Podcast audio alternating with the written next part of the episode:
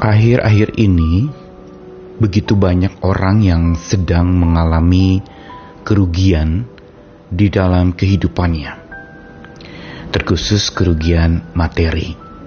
Dampak dari pandemi rupanya menjadi panjang dan kompleks terhadap penghidupan orang-orang. Ada yang kehilangan pekerjaan, ada yang mengalami pengurangan pendapatan, ada yang usahanya gulung tikar tidak mampu lagi beroperasi, dan begitu banyak pengangguran yang terus membludak karena makin sempitnya lapangan pekerjaan. Belum lagi mereka yang baru saja lulus dari kuliah dan siap untuk bekerja, tak kunjung datang pekerjaan-pekerjaan buat mereka. Kondisi memang begitu sulit dan sangat-sangat mengkhawatirkan hidup banyak orang.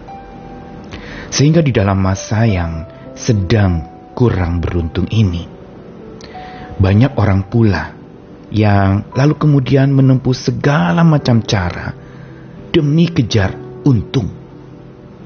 Dan segala cara ditempuh dalam segala bidang.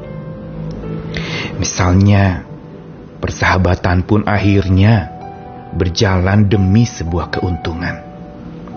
Relasi terbangun supaya dapat keuntungan.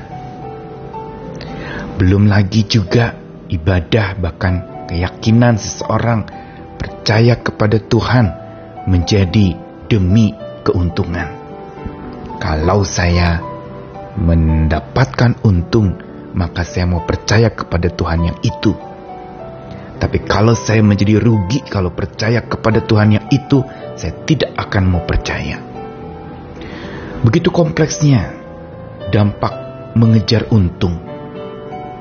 Karena ini yang justru menjadi pekerjaan rumah yang tidak mudah untuk diselesaikan. Tetapi mari kita lihat dari perspektif dan pola pikir keimanan kita. Bagaimana memandang sebuah kondisi di mana kita sedang kurang beruntung? Apakah melakukan segala sesuatunya demi untung atau bergantung kepada Tuhan, Sang Pemberi untung abadi? Saya Nikolas Kurniawan, kembali menemani di dalam Sabda Tuhan. Hari ini dua ayat dari Yeskial pasal 33 ayat 31 sampai 32. Dan mereka datang kepadamu seperti rakyat berkerumun, dan duduk di hadapanmu sebagai umatku. Mereka mendengar apa yang kau ucapkan, tapi mereka tidak melakukannya. Mulutnya penuh dengan kata-kata cinta kasih, tapi hati mereka mengejar keuntungan yang haram. Sungguh engkau bagi mereka seperti seorang yang melakukan syair cinta kasih dengan suara yang merdu dan yang pandai main kecapi. Mereka dengar apa yang kau ucapkan, tapi mereka sama sekali tidak melakukannya. Ungkapan ini diucapkan oleh Tuhan kepada Nabi Yehezkiel. Dan dalam versi Indonesian Literal Translation dikatakan demikian, mereka orang-orang Israel yang dibimbing oleh Nabi Yehezkiel ini datang kepadamu, Tuhan mengatakan demikian kepada Yehezkiel, seperti kerumunan umat, mereka duduk di hadapanmu sebagai umat Tuhan dan mereka mendengar perkataanmu, tetapi mereka tidak akan melakukannya. Mulut mereka penuh kata kasih, tapi hati mereka mengejar keuntungan yang tidak adil. Dan lihatlah, engkau bagi mereka seperti nyanyian kasih dari orang yang punya suara merdu dan pandai bermain harpa, sehingga mereka mendengarkan kata-katamu, tapi mereka tidak melakukannya.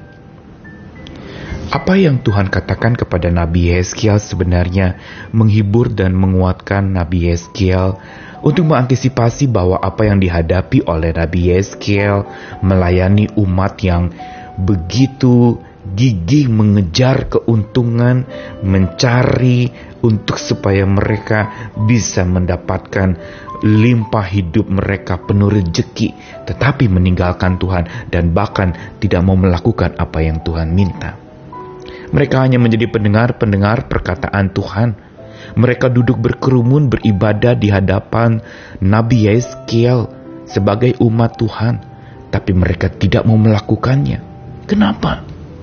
Karena hati mereka condong kepada keuntungan yang tidak adil. Hati mereka telah beralih dari kebergantungan kepada Tuhan yang harusnya itu menjadi kekuatan iman mereka.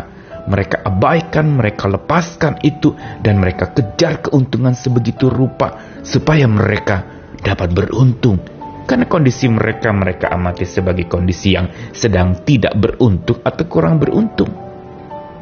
Dan Tuhan mendorong dan menyemangati Nabi Yeskiel dengan mengatakan bahwa Yeskiel bagi mereka itu seperti nyanyian kasih dengan suara merdu dan ada iringan musik. Mereka mendengarkan tapi tidak melakukan. Ini menjadi problem. Orang yang mengejar keuntungan semata di dalam hidupnya atau memperhitungkan segala sesuatunya demi keuntungan termasuk beribadah demi keuntungan, termasuk juga bekerja demi keuntungan, atau melakukan segala sesuatunya demi keuntungan, maka mata mereka dibutakan oleh keuntungan itu. Dan akhirnya, sesungguhnya dalam masa mereka kejar keuntungan, mereka justru menjadi orang-orang yang makin terkatung-katung karena mereka melupakan satu yang paling penting di dalam mereka bekerja dan berkarya untuk mendapat untung, yaitu mereka melupakan Tuhan yang sebenarnya sedang menempuh segala macam cara agar kepada Tuhanlah umatnya bergantung. Ini yang menjadi catatan untuk setiap kita yang hari ini sedang mengejar untung dalam kehidupannya satu yang lebih penting dan paling penting mengatasi segala upaya mengejar untung adalah hidup yang bergantung kepada Tuhan. Karena itu kalau ada yang mengejar untung dan gak untung-untung, ingat satu ini. Tuhan sedang menempuh segala cara agar kita bergantung kepadanya seutuhnya, setotal-totalnya, sekuat-kuatnya, dan bersandar sedalam-dalamnya kepada Tuhan. Sehingga kalau kita belum untung, jangan-jangan memang itu teguran Tuhan supaya kita sadar hidup yang perlu bergantung kepada Tuhan. Supaya kita tidak terkatung-katung. Karena orang yang bergantung kepada Tuhan, Tuhan tidak akan membiarkan, Tuhan tidak akan melepaskan, Tuhan tidak pernah akan meninggalkan dia di dalam keadaan yang terkatung-katung serba tidak pasti. Satu kepastian adalah bahwa orang yang mengandalkan kekuatan Tuhan, yang berharap kepada Tuhan, yang bergantung kepada Tuhan, akan selalu dibarui kekuatannya dari hari ke hari. Bukankah kitab suci katakan demikian? Karena itu mari kita memiliki pola pikir keimanan yang seperti ini. Yaitu bukan semata hidup kejar untung, tetapi melampaui itu hiduplah tetap bergantung kepada Tuhan karena dialah sandaran kita.